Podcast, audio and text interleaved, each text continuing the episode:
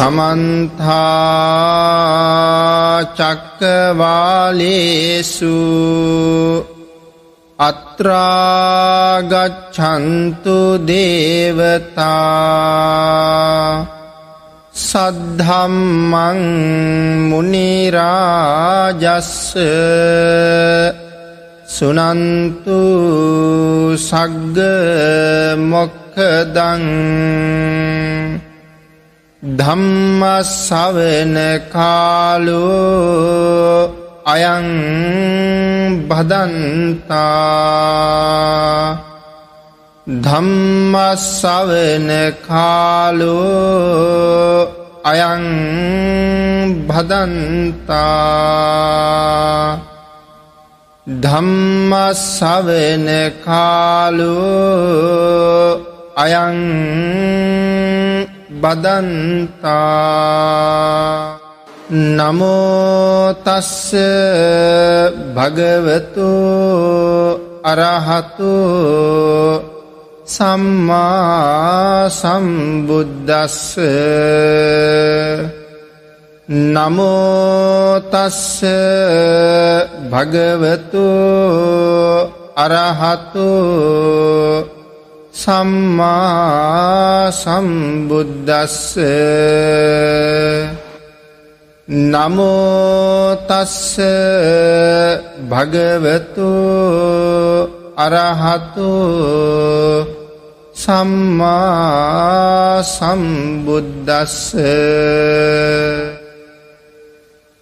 සද්ධර්මශ්‍රාවක කාරුණික ගුණගරුක බෞද්ධ පින්නතුනී බොහෝම ශ්‍රද්ධාවෙන් යුක්තව මේ සැදී පැහැදී සූදානම් වෙන්නේ භාග්‍යවත් සාන්තිනායක සම්මා සම්බුදුරජාණන් වහන්සේ ලෝතුරා බුද්ධරාජ්‍ය සොයාගෙන ආව ගමන් මාර්ගය පිළිබඳව මුල පටන් දැන අවබෝධ කර ගැනීම සඳහා කටයුතු සිද්ධ කරමින් බොහෝ දෙනාගේ ශ්‍රද්ධාව දියුණු කරමින් මේ බුදුරජාණන් වහන්සේ නමක් පාරමිතා සම්පූර්ණ කර කරා එන ගමන කොයි තරං දීර්ගද කොයි තරන් දුක්සහගතද කියන කාරණාව පැහැදිලි කරවමින්ම භාග්‍යවතුන් වහන්සේ සරණයන්ට.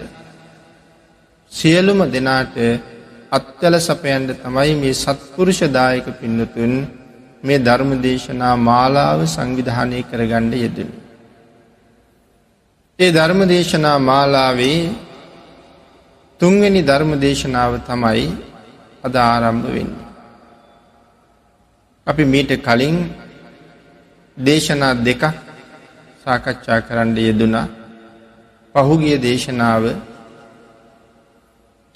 ඇත්රජු සොයාගෙන ගියපු මහරජු නැවත ඇත්රජු ලැබුණට පස්සේ ඇතුට දඩුවමක් ලැබෙනවා ඇතුන් දමනය කරන කෙනාගේ.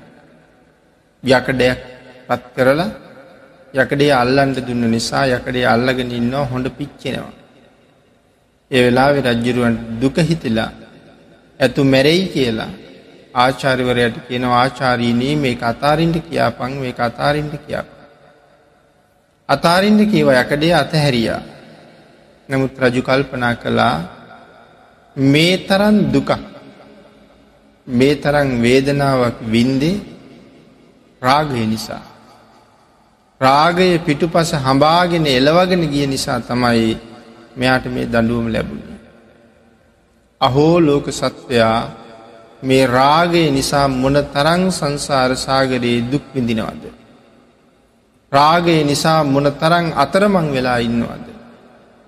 රාගයෙන් රත්වෙලා ජීවත්වෙන මේ ජනතාව රාගයෙන් මුදවගෙන ලොවී ලොවතුරා මග ඔවුන්ට කියල දෙන්න නං මම සම්මා සම්බුද්ධත්වය ලබාගත යුතු මයි කියෙන උතුම් අරමුණ චේතනාව මත එදාම රජමැදුරින් නික්ම ගිහිල්ල.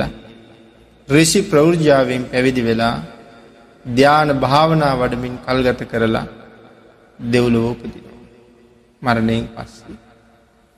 දීර්ඝ කාලයක් දෙව්ලව දෙව්සැප විඳලා නැවත වතාවක් දඹදිව දාලිද්දිය නම් ගමේ දාලිද්දිය කියන බමුණු ගමේ තමයි උපදී. දාලිද්දිය බමුණු ගමේ ප්‍රධාන බ්‍රාහ්මණයගේ පුතා ඉතාම ලස්සනයි. ශරීරයේ කොයි තරං ලස්සනද කියනවනං මිහිබට බ්‍රහ්මරාජයෙක් වගේ ලස්සනයි. එනිසාම බ්‍රහ්ම කුමාර කියලයි නමතියන්න. බ්‍රහ්ම කුමාරයා ටිකෙන් ටික හැදමින් වැඩමින් පෝෂණය වෙමින් ලොකු මහත් වෙමින් කටයුතු කරනකොට අධ්‍යාපනය ලබන්ඩ අවස්ථාව ලැබෙන. ත්‍රවේදය ප්‍රගුණ කරනවා. ත්‍රවේදය පරතරට ඉගෙන ගන්න. වේදයේ පාර ප්‍රාප්ත තත්ත්වයට පත් වනා කියල කියන්නේ පරතරට ඉගෙන ගත්තහම. මේ වේදේ සම්පූර්ණ කරන්න වසර දොළහක් ඉගෙන ගණ්ඩෝන කියල සඳහන් කරන. ප්‍රවේදේ සම්පූර්ණ කරන්න දොළොස් අවුරුද්දක් ප්‍රගුණ කරන්න ඕනි කියල සඳහන් කරන. සඳහන් කරනවා බ්‍රහ්මවර්ධන කුමාරයා වයස දාසය වෙනකොට මුළු ත්‍රිවේදයම හදාරලා ඉවර කරන. තාම ලාබාල වයසේ ත්‍රවේද පාරප්‍රාප්තයි.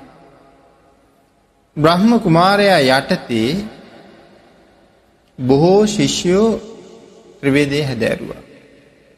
සියලුම දෙනාට මනාව ත්‍රවේදය ඉගැන්වා.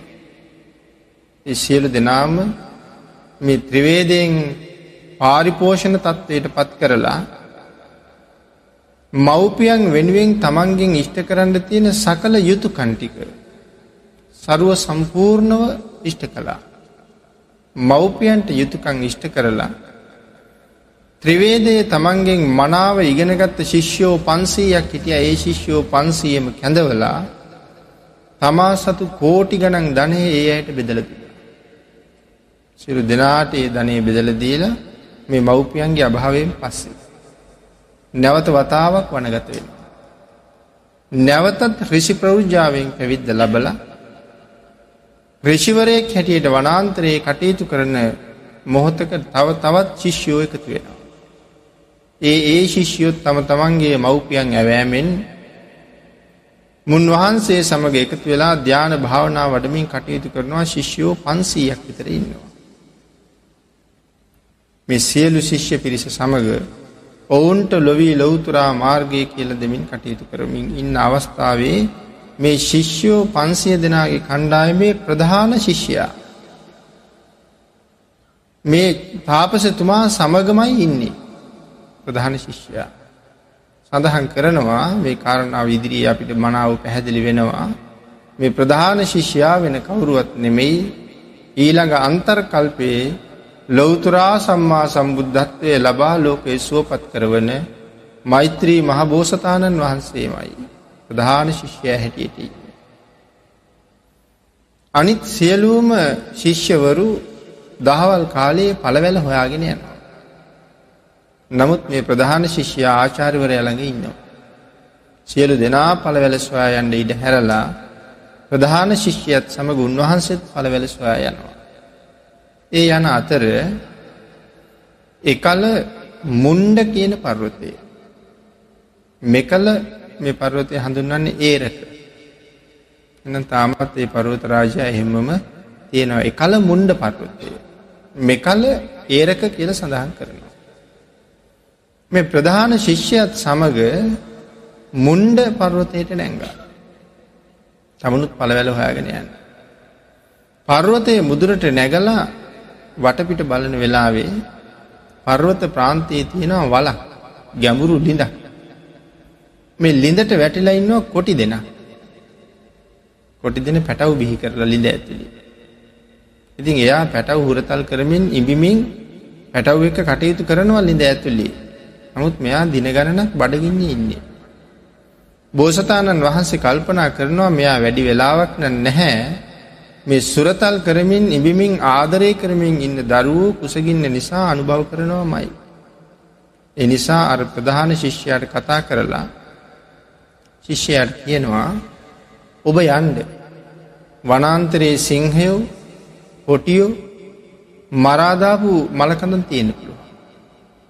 එහෙම මලකඳක් වෙතොත් වහාම අරගෙන එන්ඩ මේ ව්‍යාග්‍ර දේනුවට අපි ඒ මලකඳ දීල කොහොමරි මේ දරුවටික බේරමු.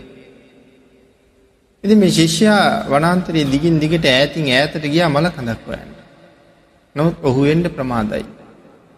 මේ මොහොත වෙනකොට ව්‍යාග්‍ර දේනුව පැටව් අනුභව කරන්න බොහෝම සූදාන. අරගන්නවා සිපගන්නවා ලෙව කනවා තියෙනවා මේ දැඟඉතින් ගිල දැමයක් ගැනීමේ ඉතාම ආසන්න තත්ත්වයට ඇවිල්ල ඉන්නේ. ඒ වෙලාවේ ආවර්ජනය කරනවා තමන්ගේ ශරීරයේ පිළිබඳ. මම ලොවතුරා සම්මා සම්බුද්ධ රාජ්‍ය ස්වාගෙන යන ගමන. මේ ගමන තුළ දාන පාරමිතා දාන උපපාරමිතා දාන පරමත්ත පාරමිතා මම සම්පූර්ණ කළ යුතුයි. එහෙම පාරමී සම්පූර්ණ කරන්න නං ඔය කාල සීමාවේ ජීවිතය පවා දන්දිය යුතුයි. මේ ජීවිතය මේ ශරීරය හැම පැත්තෙම්ම ප්‍රතිභාය බව දැක්කා. ප්‍රතිභාය බව. මොකදද මේ ජීවිතයේ ප්‍රතිභාය බව දැක්කා. මේ ජීවිතය උපන්න දවසේ පටන්. අනතුරුවලට ලක්වෙන්ඩ තියෙන ඉඩකඩ හැම්ම පැත්තෙන්ම වැඩි. ඕනෑම විදිහක අනතුරුවලට භාජනය වෙන්න පුළුවන්. මා පණපිටින්ම සත්තු කාලදාණ්ඩ පුළුවන්. මා පණපිටින්ම මගේ අතපය කෙනෙක් ඉවත් කරන්නත් පුළුවන්. කෙනෙක් ඉවත් කරනවා හෝ ඉබේ ඉවත් වෙන්නත් පුළුවන්. වෙන වෙන අකර තැබ්බයන්ට මුණ දීලා. ලෙඩ හැදිලා වසර ගණන් දුක්විදින්නත් පුළුවන්. ශරීරය තුළ පනුව හැදිලා අප්‍රමාණ වේදනාවල් විඳින්නත් පුළුවන්. ඉතින් හැම්ම පැත්තෙම්ම ශරීරයෙන් විඳින්ඩ තියෙන අපහසුතාවය දකින එක තමයි මේ ප්‍රතිභාය බව දකිනව කියල කියන්න. ඒ වගේම මාමේ පවත්වාගෙන යන ශරීරය මොනතරං නිස්ප්‍රයෝජනද කියන කාරණාවත් දකි. තාම පිළිකුල් සහගතයි. ඇටවලින් හැදිච්ච නුවරක් වගේ ඇට කෝටුවලින් හැදිච්ච නුවරක් වගේ මේ ශරීරය. ඇටකෝටු තුන්සීයක් නහරවැල් නවසීයක් එකට එකතු වෙලා ගැට ගැහිලා බැඳිලා තමයි මේ ශරීරයේ නිර්මාණය වෙලාතිය. ඒ නිසා අස්ති පංජරයේ නගා හිටවලා තියෙන ඇටකෝටු නහරවැල්වලින් බැඳලා. දැම් මේ ඇටකෝටු ආශ්‍රය කරගෙන මස් අලවලා තියෙනවා. හැම අටකෝටුවක් ගානෙම මස් ඇලිල තියෙනව ඇටකෝටු වැහෙනද.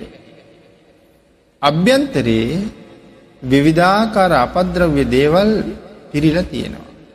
බඩවැල් තියෙනවා ආමාශ තියෙනවා වකුගඩු තියෙනවා අක්මාව තියෙනවා වෙනහළු තියෙනවා මේ විවිධාකාර දේවල් ඇතුළේ පිරිල තියෙනවා. ඒ විතරක් නෙමෙයි ලේ සැරව මළමුත්‍ර කියන දේවත් මේ ඇතුළේ පිරිල තියෙනවා. එහෙමනං ශරීරය කෙල කියන්නේ ඇවිදින වැසිකිලියක් වගේ. තාම දුර්ගන්ධයයි අන්තර්ගතය. මස් අලවලා තියෙන්නේ හැම තැනම.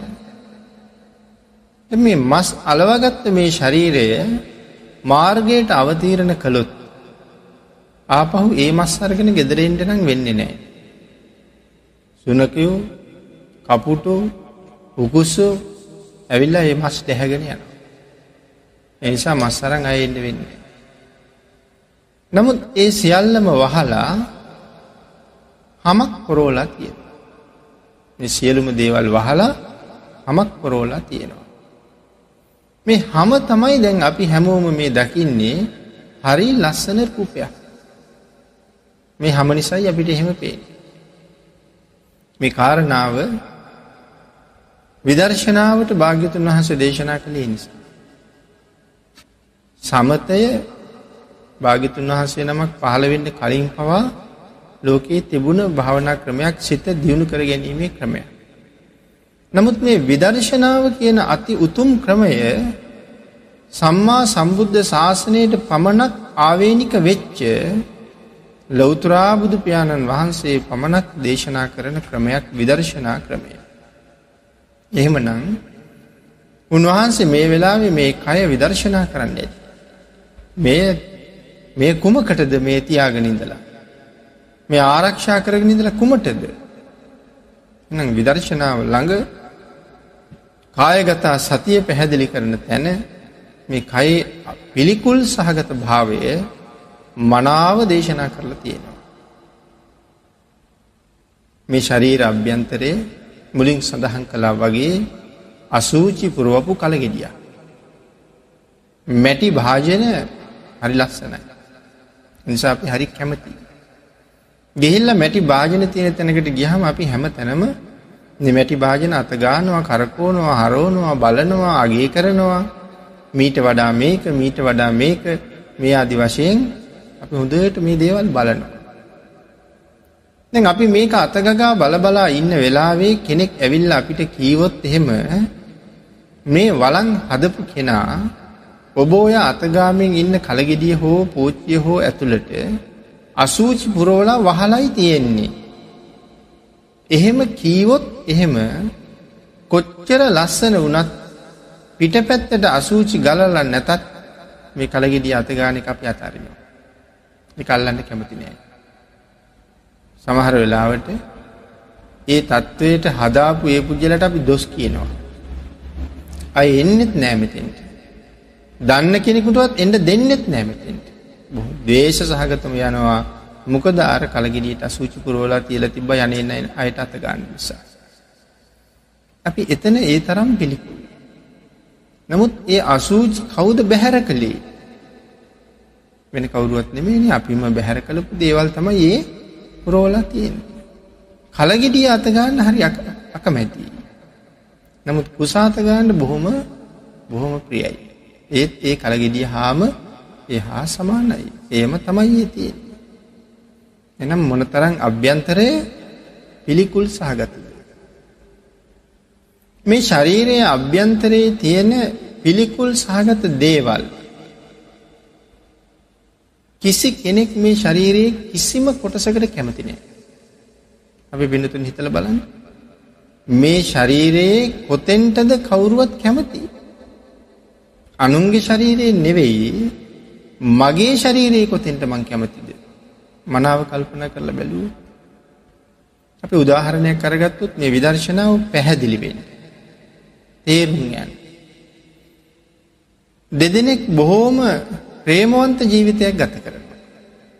අපි සමාජ දකින දේවල්න්නේ. මේ දෙදෙනගෙන් එක් අයෙක් අනික් තැනැත්තයට හෝ තැනැත්තියට කියනවා මම වසරක පමණ කාලයක් විදේශගත වෙනවා. අධ්‍යාපන කටයුතු හෝ රැකියා කටයුතු හෝ කුමන හෝ කටයුත්තක් සඳහා මා විදේශගත වෙනවා. මා එන්නතුරු ඔබ බොහොම පරිස්සමෙන් ඔබේ කටයුතු සිදු කරගෙන ඉන්ඩ. අනික් කෙනා කියනවා බෑ. මට එක මොහොතක් එක දවසක් ඔබ නොදැක ඉන්නවා කියන්නේ බොහොම අසීරු කටයුත්ත. ඒ නිසා එක්කෝ මම අරගෙන යන්ඩ එහෙම නැත්තං ඔය රැකියාව මෙහෙම කරන්න. අර පුද්ගලයක් කියනවා නැහැ. මේ ගමනමා යා යුතුමයි. අනිත් පුද්ගලයක් කියනවා එහෙනම් මත් එක්ක යන්න. ඒ වෙලාවේ අපහසුතාවයම සඳහන් කරලා අර පුද්ගලයා ගෙනල්ල දුන්නොත් අවුරුදු විස්සක් විසි පහක් තිස්සේ මගේ ශරීරයෙන් පිටතට නිරාගනාපු ඇටකූට. මම කපලා එකතු කරලා මේ බොහොම සුරක්ෂිතව පැකැට් කරලා තියල තියෙනවා. මේ ටික මාවෙනුවෙන් තියාගන්න. මා දකිනවා හා සමානව බලන්ඩ මේ මගේ ශාරීරික කොටස්. මේ අවුරුදු විස්සක් විසි පහක් තිසේ කපාපු නියපුතු කැල්ටි එකතු කර. මේක තියාගන්න. එකට බැඳිලා ඉන්න කාලේ මේ ශරීරයේ අපි ප්‍රිය නැති තැනක් නැහැ. කෙස් ගැන බලහම කෙස්වලටත් අපි කියනවා හරි ලස්සන. නිල් පාටයි. මොනර පිල් වගේ. අපි කෙස්වලට එහෙම කියන. ඇස්වලටත් එහෙම කියනවා. නිල් මැනික් වගේ කියලා. සුබා රහත් මෙහිනින් වහන්සේ ඇස් දෙක ගලෝල දුන්න ඒකන.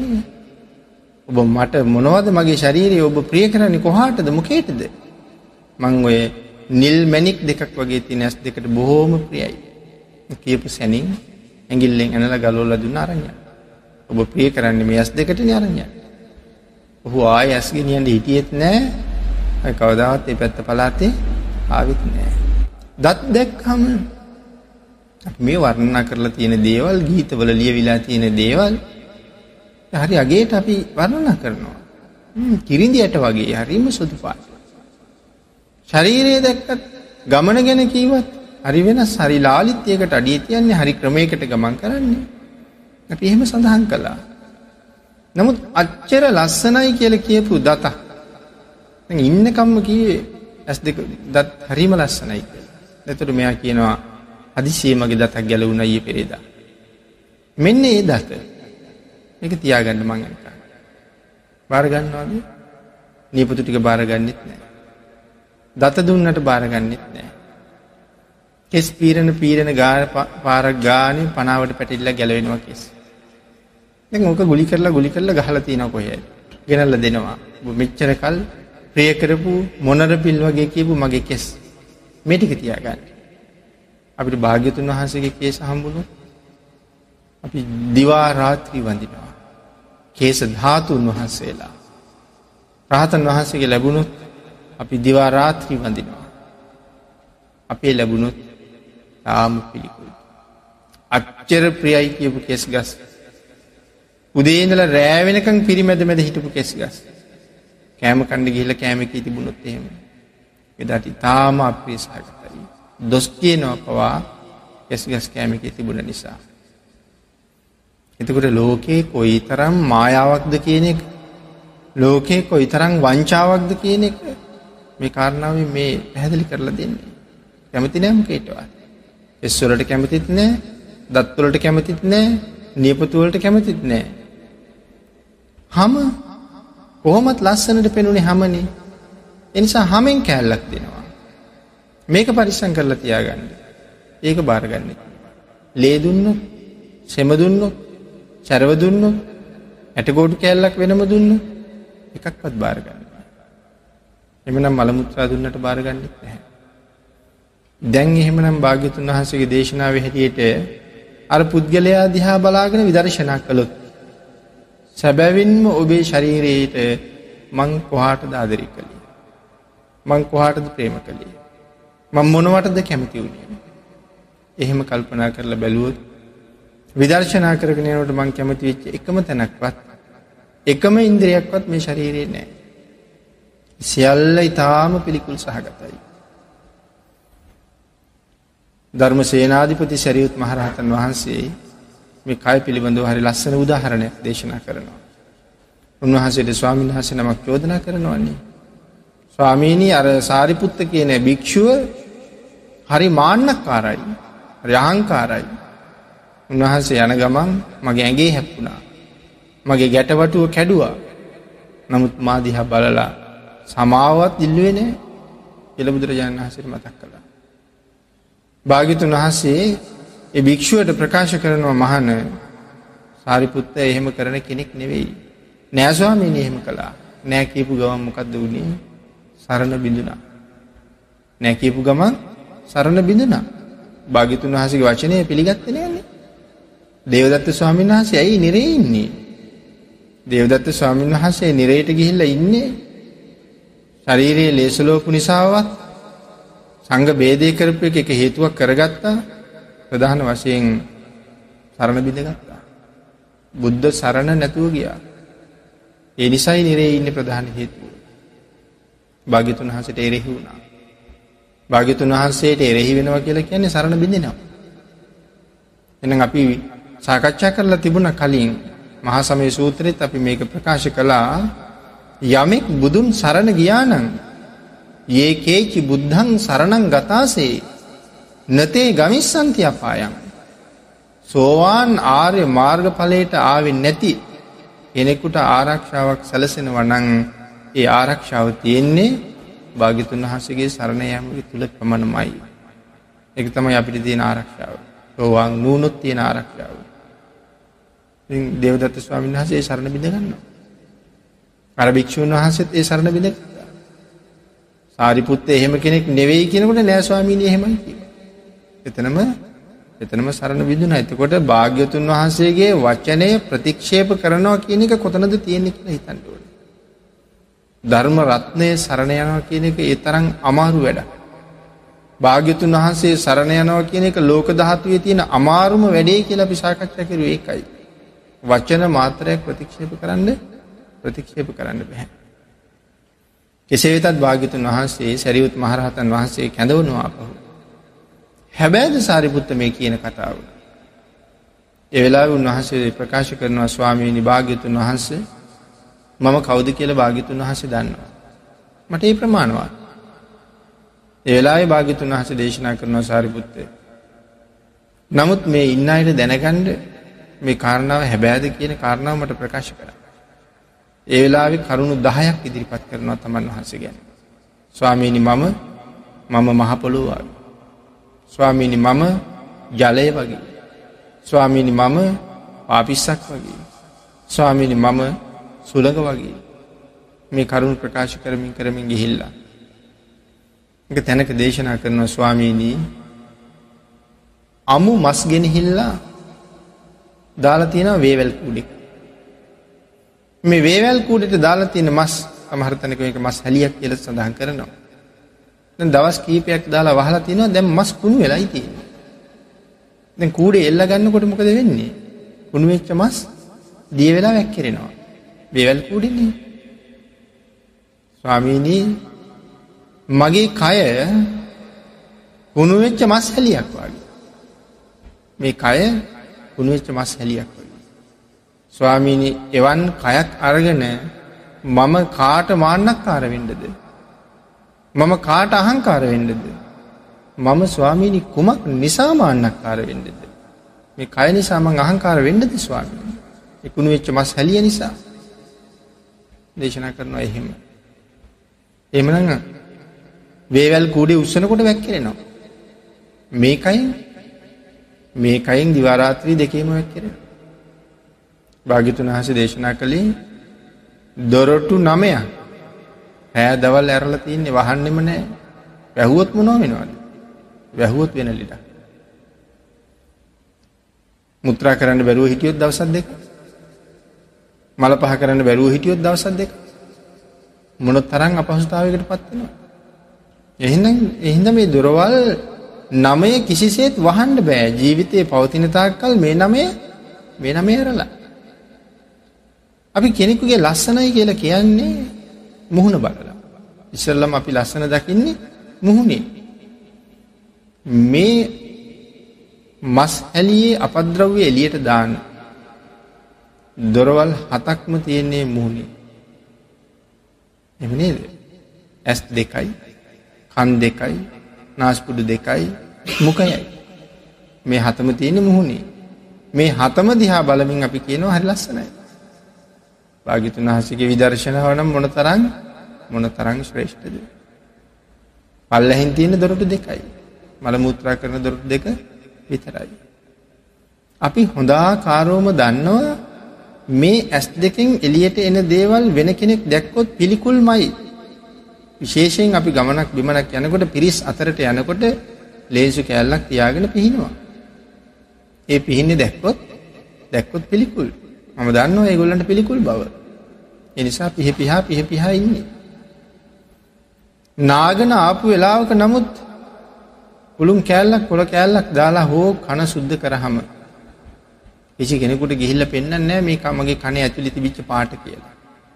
ඒක මිදුලේ දාන්නෙත් නෑ කාට හරි දැකලා පිළිකුල් හිතෙයි කියලා ඔබ පොඩි කරලා ගිහින් කොහට හරි කොහට හරි විසි කරලා එනවා. නාසයෙන් එන දේවල් කාටවත් පෙන්වන්න කැමති නෑ. මේ තොල්පෙති දෙකෙන් ඇතුළට ගියාට පස්සේ කොයි තරම් පිළිකුල් සහගතද. ආහාරයේ රුචිය වඩවන්නේ සුවඳ නිසා.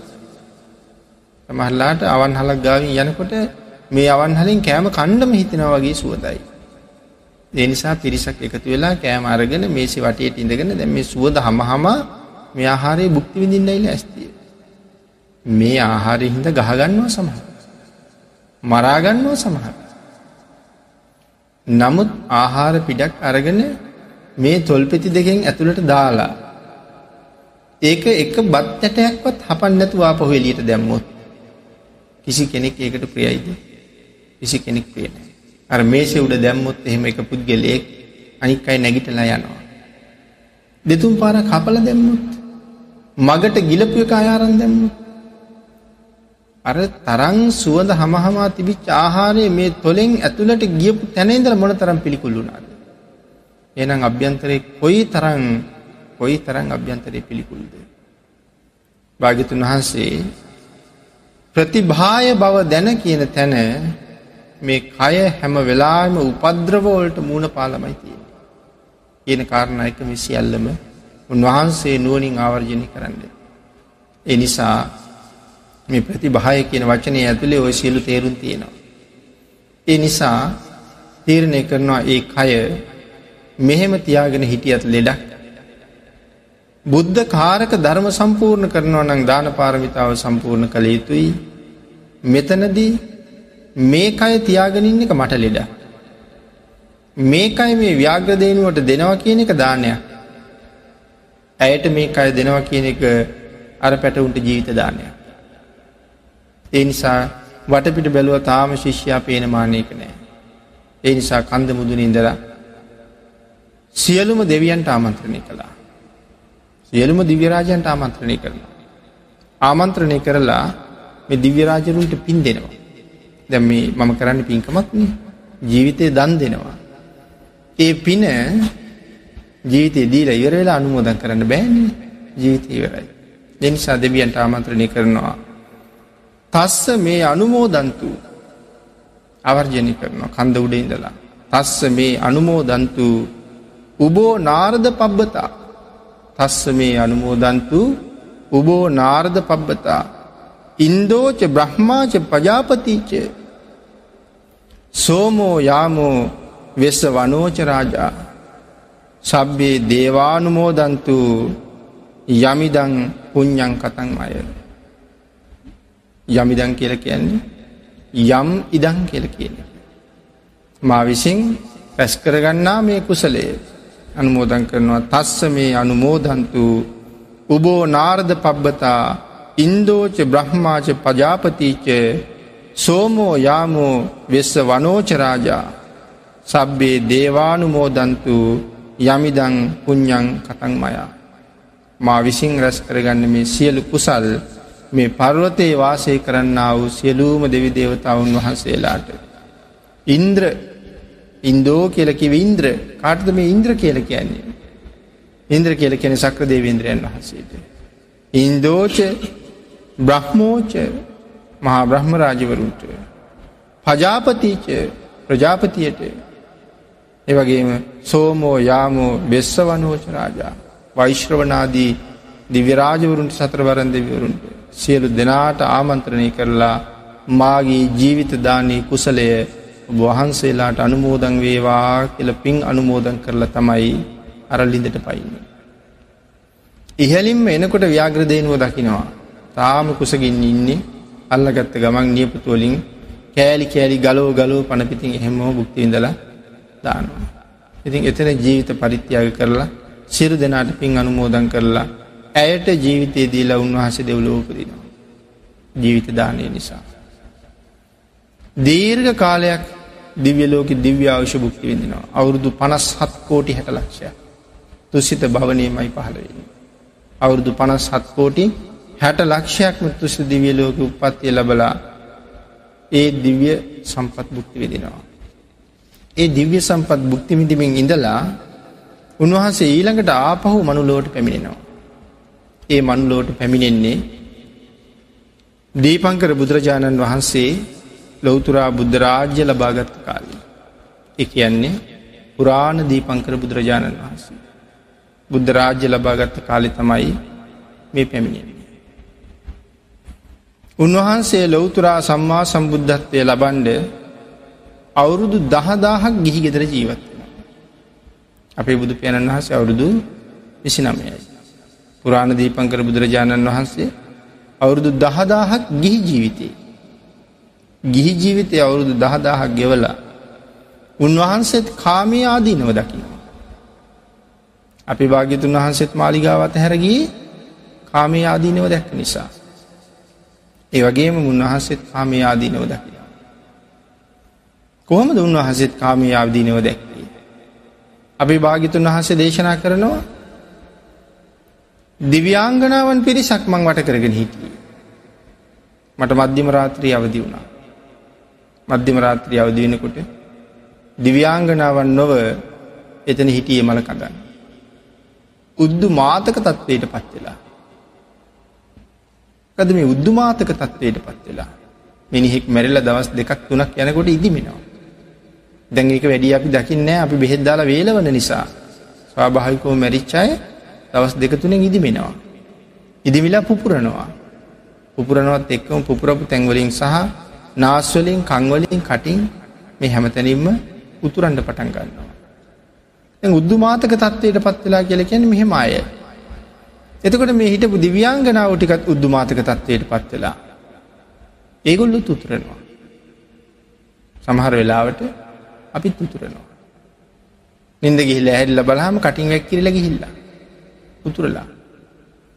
මේ සිදුවීම දැක්කට පස සමහරයි කෑගහනවා සමහර හිනාවෙනවා මේ විවිධාකාර විප්‍රකාර පුදුමාකාර කලකිරීමක් ඇතියෙන යම් ප්‍රමාණයක කලකිරීමෙන් මේ වෙලා ඉන්නේ මේ වෙලා හොඳටම කලකිරීම. ඒ වෙලා තමයි චන්න අමාත්‍යයට කතා කරන්න චන්න මගේ අශ්වයානය සූදාන කර. මට මට මේ අමු සොහනින් පිට වෙලා යන්ඩුවන. චන්න නැගිටලා ගිහිල් අශ්වයා සූදානන් කළා මේ දීපංකර බුදුරජාණන් වහන්සේ උපමා කරන්නයි මිටි අපේ භාගිතුන් වහන්සකින් පැහැදිලි කළ.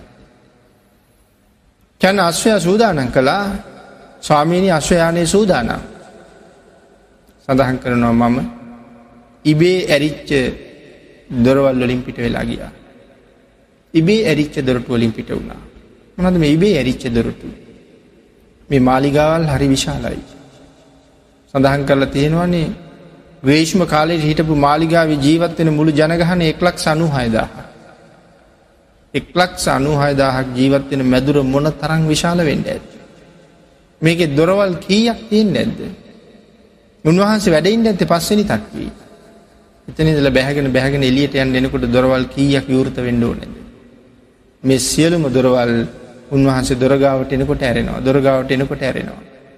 ඉබේ ඇරිච්ච දොරවල් වලින් මං එලියටාව. එලියට ඇවිල්ලා. කන්තක අසුපිට නැගිලා මධ්‍යම රාත්‍රයෙන් පස්සේ මම රාජ්‍යන් තුනක් කරණය කළා. මධ්‍යම රාත්‍රයෙන් පස්සේ මේ කියන්නේ රෑ දොළහින් වගේ පස්සේ රාජ්‍යන් තුනක් තරණය කළා. මේ රාජ්‍යන් තුනක් තරණය කරනවා කියන එක එසේ මෙසේ කාරයක් නෙමෙයි. එදා රාජ්‍යන් මේ ලංකා රාජ්‍යයට වඩා විශාලයි. දඹදිවේක රාජ්‍ය. එනම් ඊට වඩා විශාල රාජ්‍යන් තුනක් කොහොම දෙක රෑකින් තරණය කරන්න. අපිට මධ්‍යම රාත්‍රයේ ලංකාවේ එහ කෙරවලින් පටක් ගත්තුත් මෙහ කෙරවලට බස්සයකොත් යන්න බෑ එලි වෙනවා. මීට වඩා විශාල රාජ්‍යන් තුනක් තරණය කරලා ගඟකිනුත් එලියට ගිහිල්ල තමයි නතර වෙන්නේ. හරියටම ධර්මය දන්න ඇත්තන් මේ සත්පුරුෂයන්ගේ මේ වෑයම මෙන්න මෙහෙම සැකහිතෙන තැන් පවා ලිහලා පැහැදිලි කරලා දෙමින් තතාගතයන් වහන්සේ පිළිබඳව විතිකිච්චාව නැතුවම අවබෝධ කරවන්නයි මේ වෑයම. එනම් හරියටම ධර්මය දක්කෙ නැත්තං හරියටම ධර්මය දන්නේ නැත්තං අපිට සැකහිතෙනවා මේ සතාට පුළුහන්ද රාජ්‍යන් තුනක් එක මේ මධ්‍යම රාත්‍රීන් පස්සේ පහු කරන්න. එහෙමනම් අපි ඊළඟට හිතන්න ඕන මොහු කවුද කියලා. මේ රාජ්‍යන් හඹාගෙන රාජ්‍යන් ඉහලින් ප්‍යාභාගෙන යන මොහු කවුද කියලා අපි දැනගන්න ඕන මේ නිකම්ම නිකන් තිරිසනෙක් එහෙම නෙවෙයි මේ මොහොත උදා කරගන්න. උන්වහන්සේ මධ්‍යම රාත්‍රයේ මාලිගාවෙන් එලියට ඇවිල්ලා තමන්ගේ පිටවුඩ වාඩි කරවාගන්න මොහොත උදා කරගණ්ඩ මහාකල්ප ලක්ෂයක් පෙරුම් පුරලයින්නේ. එතකොට මේ මොහොත මොන තරම් භාග්‍යවන්තද. තුන් ලොවක් සනසන්ඩ පයතියන්ට ලෑස්තියෙන වෙලාව මේ වෙලාවේ මගේ පිට උඩ තියාගන්න මොන තරං පුුණ්‍යවන්තද කන්තක පාරමිතා පුරලා පුරලා පුරලා දෙව්ලොව ඉපදිලා තුසිතයේම ඉඳලා මහ බෝසතාණන් වහන්සේ මාතෘ ගර්භයට වැඩම කරන දවසේ මනුලොව උපදින්නේ. උන්වහන්සේ මාතෘ ගර්භයට වඩින දවසේ උන්වහන්සේ මාතෘ ගර්භයෙන් බිහිවෙන දවසේ. මෙයත් මනුලෝට එනවා ඒ අද ඉපදිච්ච කෙනා ගිහි ගෙදරින් අරංයන් කවුරුවත් දන්නේ නෑ මෙහු ඉපදුනේ මගේ පුතා ගිහිගෙන් අය අරංයන්ට කියලා නොත් ඒ සඳහා පෙරුම් පුරලා ඉන්නේ එහෙමනම් කන්තක එක්කෝ වලාහක කුලේ අශ්වයෙක් වෙන්ඩුව. අජානී අශ්වයෙක් වලාහක කුලේ අශ්වයෙක් වෙන්ඩ ඇති ඒ කාරණව අපිට ඉදිරියට මුණ ගැහි. කාටද මේ වලාහක කුලේ අශ්‍යයෝ කියල කියන්නේ. වලාහක කුලේ අශ්‍යයා බිම ගමන් කරන්නේ. ඔහු ගමන් කරන වලාකුළු අතරින් ඒකයි වලාහක කුලේ කියල කියන්නේ. අවශ්‍ය නම් අපි අත්ල දික්කෙරුවොත් අපේ අත්ල උඩ නතරවෙන්න පුළුවන් කියල සඳහන් කරනවා. නෙලුම් කොලයක් පැවොත් අපූරුවට නෙලුම් කොලේ උඩ ඉන්නවා කියල සඳහන් කරන.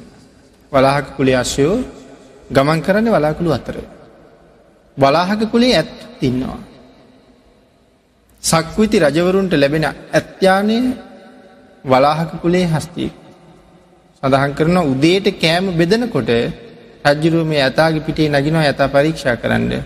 සඳහන් කරන උදේ කෑම බෙදනකොට ඇතාගේ පිටේ නැගලා ලෝකෙ වටේ රවමක් ගිහිල්ල උදේ කෑම කණ්ඩ ආපහමාලිගවටනවා තරං වේගෙන් ගමක් කරන. එනම් මේ කන්තක කියෙන හස්තියත් එහෙම හස්තේ අපිට කන්ත ගැන තුරතුරු බොහොම හම්බ වෙයි. ඉතින් එහෙම ඉබේ ඇරපු දොරවල්ලොලින් පිට වෙලා යනවා මධ්‍යම රාත්‍රයේ එලි වෙනකොට රාජ්‍යන් තුනක් පහු කරලා යන. මේ සියලුම දේවල් කුමක් නිසාද කාමයාදීනව. කාමේ ආදීනව දැකලා කාමේ තින නිස්සාරත්වය දැකලා පංචකාමේ නිසරු බව දැකළ තමයි උන්වහස මේ මාලිගාව තරණය කරලා යන්න. එමන සඳහන් කරනවා අපි මේ වලාහක කුලේ අශ්වය ගැනම සඳහන් කරපු නිසා එහෙම අශ්‍යයොත් ඉන්නවා එහෙම සිංහයොත් ඉන්නවා ඒසට සිංහයෝ එහෙම වෘෂභයොත් ඉන්නවා එහෙම ඇත්තුත් ඉන්නවා. අපි පිනතුන් අහල තියෙනවාද එහෙම මිනිස්සුත් ඉන්නවා කියලකයා අජානීය මිනිස්සු. විශේෂයෙන් අජානීය මිනිස්සු ඉඳල තියෙනවා ලංකාවේ. ලංකාවේ අජානීය මිනිස්විට බව සඳහන් කර. කොයි වගේද? අදන අපිට දැකගණඩ හැටියකුත් නැහැ. දැක්කට පරීක්ෂා කරන්න විදිහකුත් නෑ. රුහුණෙන් රජුගෙන් ලියවමක් අරගෙන රජරු ලියවම දෙන අනුරාධපුරේ රජරුවන්ට දෙන්න කියලා. මෙයා උදේ හයට නං රුහුණෙන් ලියවම ගන්නේ මෙය හය හමාර හත වෙනකුට අනුරාධපුරේ ලියවමරගෙන. රජ්ජුරුවන්ට ගෙහෙල කියහම රජ්ජුරුව හන ඔබ කොහින්දල දෙන්නේ? මම එන්නේ රුහුණ ඉඳලා. රජරුවන්ට පිළිගන්න බෑ. රජරුවන්ට නෙමේ කාටද මේක පිළිගන්න පුළුවන්? මාතර පැත්තින් ලන්රත්පුරේටාව කියහම පැබාගෙන් පැයි දි රජරුව පිළිගන්නේ නෑ මෙයා කියන නෑමංආාව හිඳලා රජරුව පරීක්ෂණයක් කරනවා.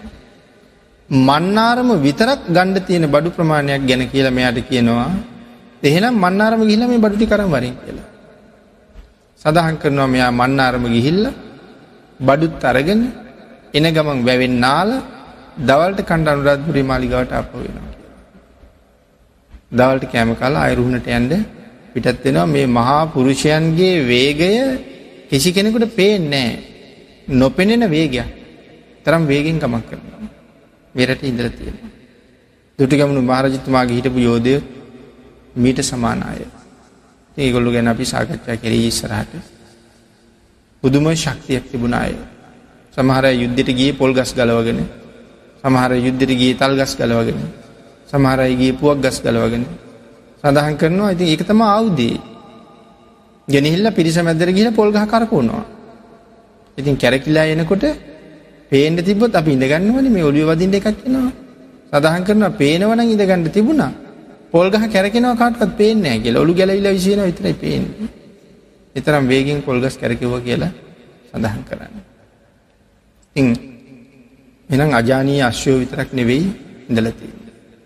භාග්‍යතුන් වහන්සේම එක තැනක භාග්‍යවතුන් වහන්සේව උපමා කරනුව සිංහයකුට භාගිතුන් වහන්සේමයි දේශනා කරන්න සිංහෙකුට සම්මාන කරලා.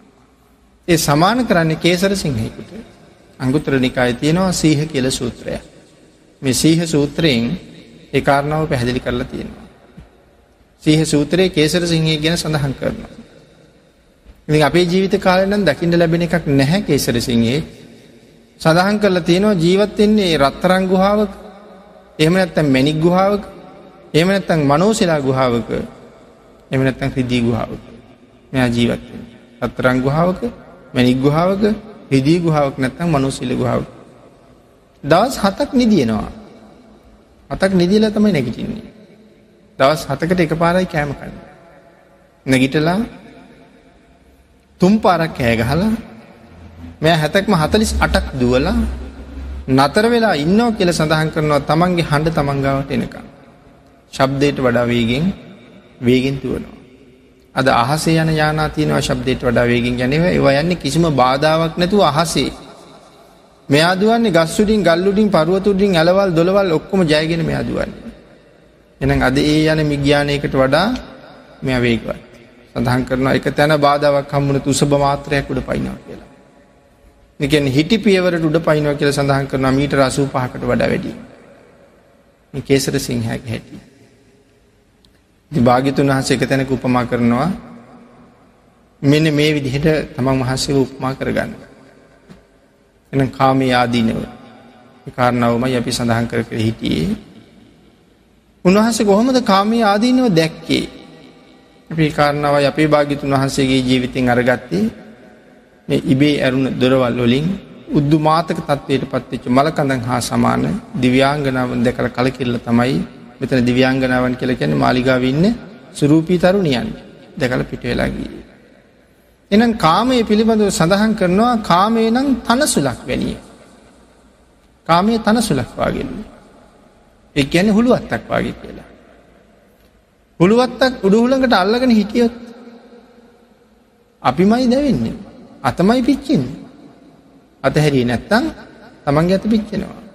එනම් කාමය කාමයට බැඳිලා කාමයට වෙලිලා කාමයෙන් රත්වෙලා කාමයේ ඇලිල්ලා ජීවත්වෙන පුද්ගලයා ඒ කාමය නිසාම වෙනසි වෙනසී වෙනසි වෙනසී යනවා. තනසුල ඇත නොහැරියාසේ මේ පුද්ගලයත් කාමය නිසාම වෙනස. කවදාවත් ඒක තේරුම් අරගෙන නෑ. එලකට භාගිතුන් වහස තවතැනක දේශනා කරනවා කාමේ නං ගිනි අඟුරු වලක් කියලා. එතන සැප වගේ පේනවා බැතන සැපනෑ. සීතල වෙලාවක ගිනි අගුරුවලට ලංවෙන්ඩ ලංවෙන්ඩ සැපයක් දෙන්නවා. වැටුණු වැටුණුත් ජීවිතයම විනාශ වෙලා යනවා. භාගිතුන් වහසේ ඒක උපමා කරලා තියෙන එක තැනක ඇඟ පුරාම කුෂ්ට හැදිච්ච මිනිහෙක්කින්නවා. ඔල්ලුවේ ඉඳලා යටිපතුල් දක්වාම කුෂ්ට. කුෂ්ට හැදිල කුෂ්ට හැදිල මෙයා කහනවා මෙයාගේ ජීවිතයේ එක මොහොතක් කෑම කණ්ඩවත් නිකං ඉන්න වෙලාවක් නෑ කසනව හැර. කසන එකම තමයි ජීවිතය වැඩි. කසල කසල වේදනාවට පත්වෙලා මේ මනුෂ්‍යයා කබලක් ලිපේදාලා රත් කරලා මේ බිබිලි තවනවා කබලින් තවනවා බිබිලි. එතකොට මේ තුවාල වෙච්ච බිබිලි යම් ප්‍රමාණයකට තැවෙනකොට පොඩි සැපයක් දෙනවා. භාගිතුන් වහන්සේ දේශනා කරන්න මාගන්දිය බමුණට. ආනවා මාගන්දිය පස්සෙ කාලේ යායට සනීපයි දැන් එයා පාර යනකොට එයාට දකින්න හම්බෙනවා එයාට කලින් තිබ ලෙඩේ හැදිච්ච වෙන කෙනෙක් කහ කහ තවනවා. දැම් මෙයාට හිතනවද දූගන දූගන ගිහිල්ල තවාගණ්ඩ නෑස්වාමී හිතෙන්නේ. ශක්තිමත් දෙන්නෙක් ඇවිල්ල මෙයා ඇදගෙන යනවා තවන්ඩ මෙයා යනවද මාගන්දිය නෑස්වාමින් යන්නේ. ඇයි යන්න ඇති මාගන්දිය නැ එදා තැව්වේ මාගන්දිය සැප හින්දන. ස්වාමීනී එදා සැප වගේ දැනුනට එදා කායප්පසාදය වෙනස් වෙලා තිබි. සැප නෑ එදත් දුකයි අදත් දුකයි. කායප්පසාදය වෙනස් වෙලා නිසා සැප වගේ දැනුණා. එහෙමනම් මේ කාමයත් එක් අපි මේ ලෝකෙ දකින්නේ සැප නෙමේ මේ දකින්නේ සැප වාගේ එකක්. සැප දැක්ක නෑ තව. සැප වාගේ එකක් තමයි දැක්කේ. කෙනෙකුට ඕනේ මැනිකක් මැනිකක් වාගේ එකක් දීල වැඩක් නෑන්නේ. දරුවෙක් අඩාන්ඩා ඉල්ලන්න රත්තරම් මාලයක්. දරුව රවට්ටන් රත්තරං වගේ මාලයක් ගෙන හිල්ල දිල වැඩක් නෑනේ. යට රත්තරම් මාලයක් මයෝනි. එනම් අපි දකින්නේ සැප නෙවෙයි සැප වගේ එකක් අපි දකින්නේ. ඒක සැප කොයිවාගේද භාගිතුන් වහස දේශනා කළේ සැප වගේ එකෙත් චූටි සැපක් තියෙන්න්න පුළුවන්නේ. උන්වහස දේශනා කරනවා මෙහෙම. මිනිියකුට තුවාලයක් තියෙනවා. තුවාලි හොඳ වේගෙනට අතගානකොට මොකද වෙන්නේ සනීපයි. දරුව කියනනි කසනව කියලා. දෙවපිය කියන කහන්ඩි පතුව හොඳ වෙන්ඩ කසන්නේ. අන්නෑ ළමයි කසනවා සනීපෙහින්ද. පහලා ආය පතුරු ගහගන්න. භාගිතුන් හස දේශනා කරනවා මාගන්දිය. මේ කාමලෝකෙ මිනිස්සු දකින මේ සැප හරියට කොයි වගේද තුවාලයක් නියාගින් කහනකොට දැනුන් රංගියන් සැපයක් අන්න ඒවාගේ සොච්චං සැපයක් තමයි මේ විඳින්න කිය. මේක නෙවෙයි සැප හොයාගන්න සැප හොයාගෙන යන්න. මේකට රැවටිලා ඉන්න එපා මාගන්දිය මෙතන මේ චූටි දෙයක් විතර තියෙන. එනම් මාගන්දිය මේ ඔක්කොම අතහැරල ගියපු මට විවේකයෙන් උපන් ධ්‍යාන සුවය හම්බුණා. මාගන්දිය ප්‍රථම අධ්‍යාන සුවය කියන එක දිව්‍ය ලෝක සුවයට වඩවතුන්. මාගන්දිය දැන් එතන ඉන්න කෙනට හිතෙනව දාපහු ඇයිල්ල මේ පල්ල හැ සැප වගේ ඒවා බුක්තිවෙන්නේ නෑස්වාමී. මාගන්දිය මේ මාරයගේ රෑනෙන් පැන්නොත් මාරයාගේ දැලෙන් පැනගත්තොත් ඔහු සදාකාලික සතුටින් සැනසෙනවමයි. නමුත් මේක පැනගණ්ඩ තමයි අමාරු. එකට අවශ්‍යයි ලොකු ලොකු වීරයක්. එනම් කාමයන් තනසුලක් වගේ කාමයන් ගිනියගුරු වලක් වගේ කාමයන් සිහිනෙන් ගෑ සුවඳක් වගේ එහෙම කල්පනා කරලා තමයි පුරාණ දීපංකර බුදුරජාණන් වහසත් කාමයන් ගැන කලකිරෙලා ගිහිගී අභිනිෂ්ක්‍රමණය කරන්නේ. අපේ බුදු පියාණන් වහන්සේ අවුරුදු හයක් දුෂ්කරක්‍රියා කළා. පුරාණ දීපංකර බුදුරජාණන් වහන්සේ පදන් වීරය වඩන්නේ කොච්චර කාලයයිද දවස් හතයි. දවස් හතකින් මේ මහස මහපොලෝ කම්පාකරෝමින් උන්වහන්සේ ලොවතුරා බුද්ධ රාජ්‍ය අත්පත් කරගන්න. බුද්ධ රාජ්‍ය අත්පත් කරගෙන ලෝක සත්වයා සනසනවා ශ්‍රී සද්ධර්මය දේශනා කරන. මේ කාරණාව විස්තර කරන තැන පැහැදිලි කරනවා සම්බුද්ධ භාෂිතය ශ්‍රීමක ධාතුව තුළින් ප්‍රත්න වැහි වරුසා වස්සවනවා කියලයි සඳහන් කරන්න. ශ්‍රී සද්ධර්මය දේශනා කරනවා කියල රත්න වැහි වරුසා උන්වහන්සේ වරුසා වැස්සෙව්ව කියල සඳහන් කරන්න. රත්න වරුසා කියල කියන්නේ ධර්ම වරුසාව වැස්සෙව කියන එකයි. එහෙම උන්වහන්සේ ලෝක සත්වයා සනහ සනහා කල්ගත කරන කාලයේ තුළ එක දවසක් ලක්ෂ ගණන් මහරහතන් වහන්සල පිරිවරාගෙන නගරයට අවතීරණ වෙනවා දානයක් සඳහා. ලක්ෂ ගණන් රහතන් වහන්සේල සමඟ නගරයට අවතීරණ වෙන්නේ දානයක් සඳහා. මේ දානවස්තුව පිළිගැනීමට භාගිතුන් වහසේ වඩිනකොට ලෝක දහතුවට එලිය වැටෙනවා කියල සඳහන් කරන්නේ නගරයට එලිය වැටෙනවා ලොක දහතුවට නෙමේ නගරයට එලිය වැටෙනවා. භාගිතුන් වහන්සේගේ බුද්ධ ශ්‍රීයේ අසිරිය බුද්ධාලෝකය නගරයට වැටෙනවා. ඒ වෙලාවෙ නගර මිනිස්සු බොහෝම ප්‍රීතියෙන් බොහෝම සතුටින් බෝම ශ්‍රද්ධාවින් බුදුරජාණන් වහන්සේ ප්‍රමුඛ ලක්ෂ ගණන් මහරහතන් වහන්සේලාට ඇප උපස්ථාන කර කර දන් දෙනවා. දන්දීල ප්‍රීතියෙන් ප්‍රමෝදයට පත්වෙලා ඒගොල්ලු දෙව්ලව සැපවිවර කරගන්න.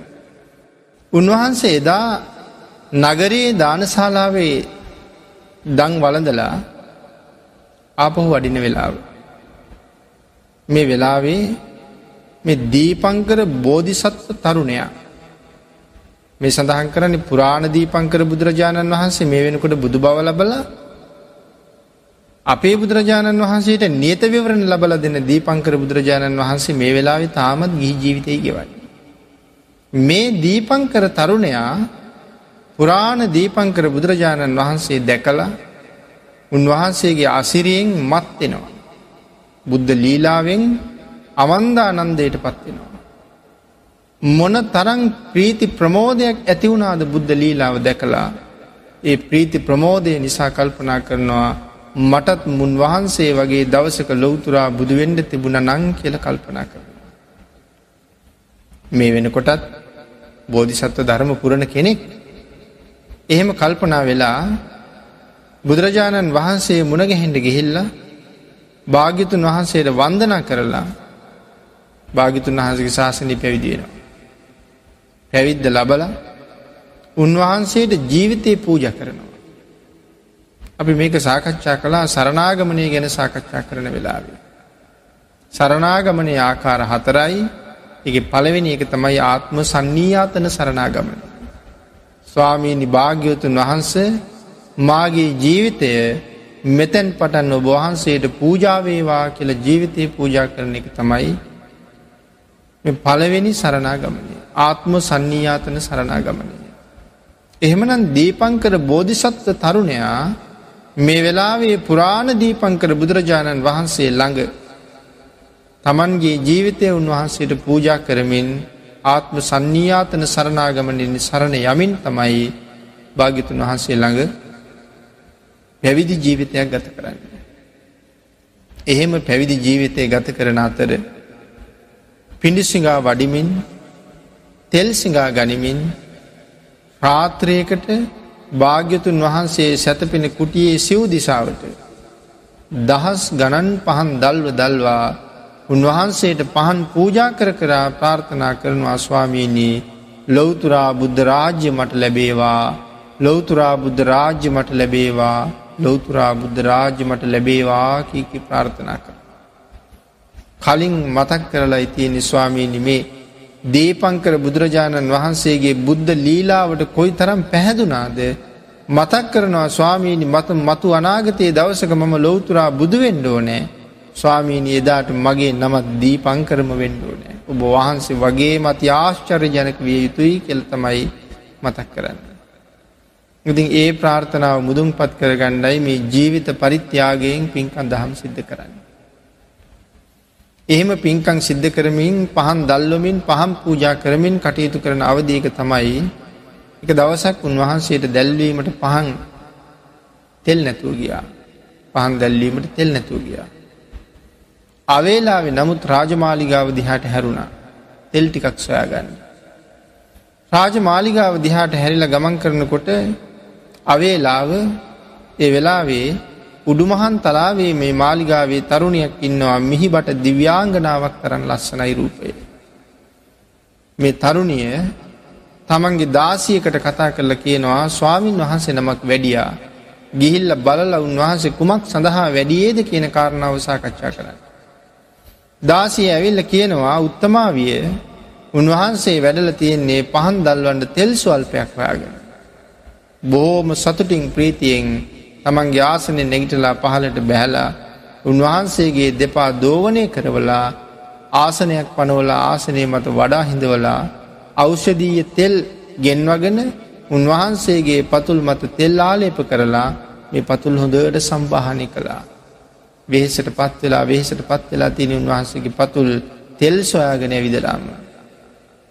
පාදවලට සුවයක් ලබල දෙනවා. එහෙම සුවය ලබල දීල වන්දනා කරලා අහනවා ස්වාමීනී කුමක් සඳහාද වැඩියේ. ඒ කියන්නේ මෙතෙක් කාරණාව දාසියකින් දැනගත්ත මිසක් තවම අහල නෑ මහා සංගරත්නයට මොන තරං ගරු බූමන් දැක්වාද කියන කාරණාව. කුමක් සඳහා ස්වාමීන් වහන්සේ වැඩියේද. නැගනිය මට බුදුරජාණන් වහන්සේ වෙනුවෙන් අද රාත්‍රයේ පහන් දල්වන්ට තෙල් ලැබුණෙ නෑ. මම තෙල් ස්වල්පයක් සොයා ගන්න යාවේ. බොහෝම ප්‍රීති ප්‍රමෝදයට පත්වෙලා මාලිගාව ඇතුළට ගිහිල්ල ගණ රත්තරං භාජනයකට තෙල් පුරෝනවා. මේ තෙල් පුරෝගෙන සිද්ධිරස්තු කියන තෙල් තමයි මේ පුරුවන්න. මේ තෙල් පුරුවගෙන අරගෙන ඇවිල්ල උන්වහන්සේගේ පාත්තරයේ පුරවලා තෙල් පිළිගන්න. තෙල් පිළිගන්වලා පාත්තරයේ පසක තියලා උන්වහන්සේ ළඟ පසඟ පිහිටවල වැඳගෙන උන්වහන්සේට ප්‍රකාශ කරනවා ස්වාමීනී දීපංකර සම්මා සම්බුදුරජාණන් වහන්සේ ළඟ පහන් දල්වන්ඩ වහන්සේට අද මම සිද්ධිරස්තු පූජා කළා. ස්වාමීනි මේ තෙල් අරගෙන ගිහිල්ලා මගේ සහෝදරයාණන් ළඟ මගේ බෑයාණන් ළඟ පහන් දල්වන්න. එකනි පුරාණ දීපංකර බුදුරජාණන් වහන්සේගේ ඥාති නැගෙනිය. උන්වහන්සේට පහන් දල්වන්න. උන්වහන්සේට පහන් පූජා කර කරා වහන්සේ ලොවතුරා බුද්ධ රාජ්‍ය ප්‍රාර්ථන කරන්න.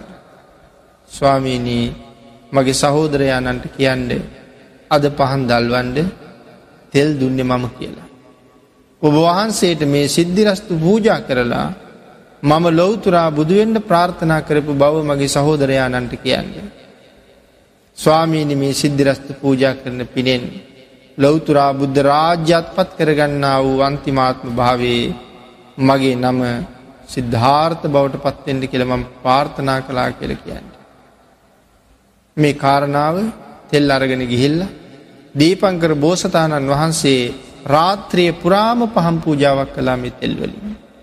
පුරාණ දීපංකර බුදුරජාණන් වහන්සේට මේ ආශ්චර්යමත් පහම් පූජාව සිද්ධ කරලා උදෑසන කාලෙ භික්‍ෂූන් වහන්සේලා බුදුරජාණන් වහන්සේ ළඟට රැස් වුනා උන්වහන්සේලා වෙනුවෙනුත් පහන් දල්වලා පූජා කරලා ප්‍රාර්ථනාව මතක් කරනවා ගිහිල්ල බුදුරජාණන් වහන්සේට ස්වාමීණී ඊයේ රාත්‍රයේ පහන් දල්වන්ට මට තෙල් ලබල දුන්නේ ඔබවහන්සගේ නැගනිය කියල කෙනෙක්. ස්වාමීණි ඇය ප්‍රකාශ කළා